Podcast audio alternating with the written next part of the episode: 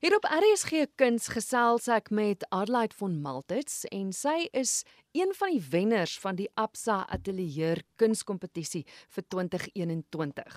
Nou vanjaar is dit in groep A, B en C ingedeel en sy is die wenner dan van groep A. Adelaide baie geluk. Thank you very much and thank you so much for having me. This is a privilege. Voor ons gesels oor die werk wat jy ingeskryf het, vertel my 'n bietjie meer van jouself. Wie's jy? Waar woon jy? Wat doen jy? um, I'm from Bloemfontein. I matriculated here in Bloemfontein at St Michael's School for Girls, and I've done all my higher education at the University of the Free State, and I'm now teaching or lecturing here as well. Um, so I'm very much based in Bloemfontein. I'm a, I was born in Bloemfontein as well.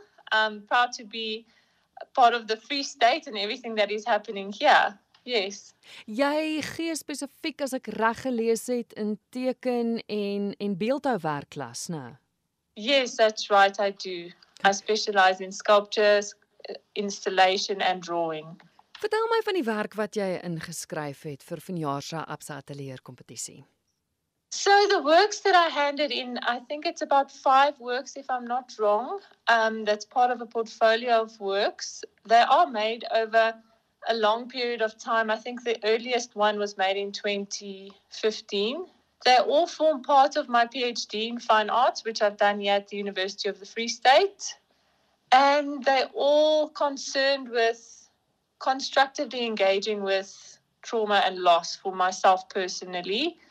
Um, but they're very diverse. You know, some drawing, some land art, some sculptural works. Ek het 'n foto gekry wat hulle vir my aangestuur het. Dis 'n plek spesifieke werk. Verstaan ek yes. reg? Yes, that's the one that I've done on Zastron Street in Bloemfontein, close or quite close to a site where there was a lot of accidents at an intersection um, and some I'm, I'm especially concerned with or, or disturbed by maybe that's a better word when children are killed in car accidents even though that's not like the central theme for me but i think once I, when i had kids and i realized that that must be very traumatic for a mother um, i really i related to that as a mother. And that artwork there, there's an intersection where a mom and a child died, as well as many other accidents, because it's a dangerous intersection. And I chose that spot to not just memorialize it, but to basically think about something that one really doesn't want to think about. It's so disturbing to think about it. So that one is site specific. Yes, that's one is the one that I would call um, my land artwork. Kom ons verduidelik gou vir die luisteraars hoe dit lyk. Ek sit nou hier met 'n foto daarvan voor my. Um, basically, it's a it's an area on the side of the road, so it's in the public space on on Zastron. It's quite a fast road, not your normal um, smaller road in inside the residential areas. So it's on quite a large motorway, and um, it's quite a large, um, not a pavement, but an area actually where trucks pull off. Hmm. And basically, I use different colors of earth. So usually, for the other work, I've gone and collected site-specific earth and put them back into my artworks and back into the gallery. But for this work, I actually didn't use, other than the site itself, which is specific to the trauma. I didn't um, use site specific earth. I um, collected earth based on the type of color and texture. I even used stones. And then over a period of, I think it was about a week, I would go, go there every day and make a few small mounds of earth which suggest um, graves, basically. Mm. And I then built this for a while for about for about a week, and um, then when I looked at it, I only intended to work with this these different colors, heaps of soil on the side of the road. But when I looked at it, I noticed that it, it looks more like a building site than um, what I wanted it to. So I actually then added the white crosses as one, the, the Latin or the Christian cross, to bring out the sense of like a a graveyard or a spontaneous it's not a, a, traditional spontaneous shrine or i don't think it really references that but yes, it it looks like a kind of a graveyard on the side of the road. Ja, absoluut. Dit is dadelik wat mens raak sien. En soos jy sê, dis verskillende materiaal wat gebruik is, grys klippies, yes. daar's rooierige grond. Maar nou het ek 'n vraag bo oor al die hoope grond, die die die graf grafte kan mens half soort van sê, is daar is daar spore. Dit lyk soos 'n motorfiets of 'n kar wat daaroor gery het. Yes, that because it is an area where um trucks pull off. And before I put up the Latin crosses, so they hadn't crushed any of the crosses. It was obviously also not that visible, the whole installation or the land artwork there. The the trucks drove over these mounds that I'd built there. And at first, I was very upset. I felt like, how can they drive over my precious artwork that I've so carefully and with so much hard labor come and um, put out here? And then afterwards, I felt it actually added something. It was an accidental sort of intervention because I am talking about like the trauma and loss and death on the road. So I felt this suggestion of the the truck, the heaviness of the trucks and the the spoor. What is that in English? The um, print of the tire actually helped for me the concept. It made it so that's the photo that I then actually submitted of that work. Absoluut. Ek ek het regtig gedog dat dit as prins gedoen is. So dit dit dra ja. absoluut by tot tot die tema. Ja, en tot die tot die verlies daarvan eintlik. Dit maak dit soveel meer gruisam eintlik as, yes. as dit die woord is wat mens kan gebruik.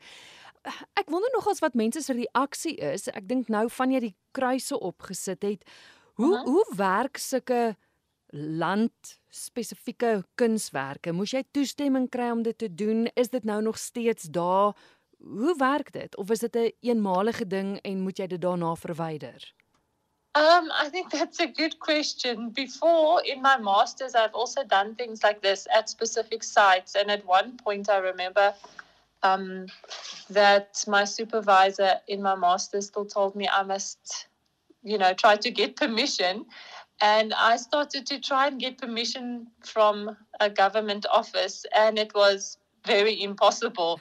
so after that, I decided I'm doing more what I call like a kind of guerrilla installation. If I do anything that is not going to just disappear, like say working with ground on ground, you know, it can just disappear basically back into the ground, mm. then, um, but before I've used other things like resin, then I will pack it up. Um, so I don't leave anything there that's not going to go back into the earth. But in this case, I packed, I basically built the installation without permission. so I'm going to just say that up front without government permission, but it was well out of the way as well. And I felt it w- won't be if some if the truck does drive over it, it's not um, problematic. Like it's small. Mm. So while it was up, my intention was always to go and clear up the crosses because that part wasn't going to just it was going to become litter eventually as the thing disintegrated but every day when i went to have a look i realized that some people were walking past i think it was mostly high school kids because there's a school down the road and um, as they walked past and it was also winter so my feeling is that they walked past and would collect these crosses maybe to use as firewood. I'm not sure, but basically, it um, vanished. The, the crosses all vanished, and then the mounts themselves um, became very flat, and I could still take photos and see the evidence of the work for quite some time. But it, it just went back into the sidewalk, basically, or that grassy area that it's built on top of. Yeah, yes, yeah. that's what happened. Sure. Ek wonder vanjaar se Absa Atelier was was alles aanlyn. Van die indien van die kunswerke tot soos ek verstaan selfs die beoordeling daarvan. Het jy met dit in gedagte jou werk ingestuur wetende dat dit nie 'n tasbare fisiese kunswerk gaan wees wat beoordeel word nie, maar dat alles aanlyn is? Um No, I would say I the, because the artworks have been made for a very long over a very long period of time. I actually didn't know that I would eventually enter this body of works or this portfolio for um, APSA for this year. So I didn't make them knowing that, but I have regularly been entering Absa since about 2006, since after I um, graduated from my uh, BA Fine Arts. And it was interesting for me that this process of handing in online, because my things are so very heavy and difficult to move and mm. difficult to set up, it was always so difficult to enter. At first, we could enter in Bloemfontein, and then they changed the entry point to Johannesburg. And I I was committed. I took my artworks to Johannesburg or artwork at that point. I, I'm not sure if you could enter one or two, but I would enter one. And I would carry it up that building and up the elevator and all of that. And um, it was sometimes it was successfully accepted and other times not. But this year it was, I think it added to the whole surprise of winning because I sat for one afternoon, went through my work, decided which port- which works were going to form part of this portfolio. I um, submitted the work, and and then it was done. so it was a very big surprise to get this prize when actually, yes, I have done a lot of effort for um, to create these works, but actually the entering process was so much um, less effort for me, especially where my stuff is so heavy. Yeah. So it was it was very different, yes. Wel wel gedaan as jy inskryf van 26 af. Uiteindelik. Geluk. Thank you very much. It has been a long time and I think I, st- I still would have had one more opportunity next year because the age restriction is 40 but um, my time was also running out. So I'm very glad that I've got my chance now to have won. So laaste vraag, omdat dit aanlyn is, hoe maak luisteraars as hulle sou wou gaan kyk na die werk? Um, the best will be to go to the APSA website. You can go there onto the APSA website. It, you can also go on your phone, but I find that it works most uh, sort of it's the easiest to, to have a look at the work when you go on your um, desktop on mm. your PC, mm. and um, you just go onto previous winners. I think it's under under that slot there on the website, and you can flip through the previous previous winners, but also this year's winners through the whole portfolio that they entered. So you can see all the work there, and I think the quality of the images and everything is good.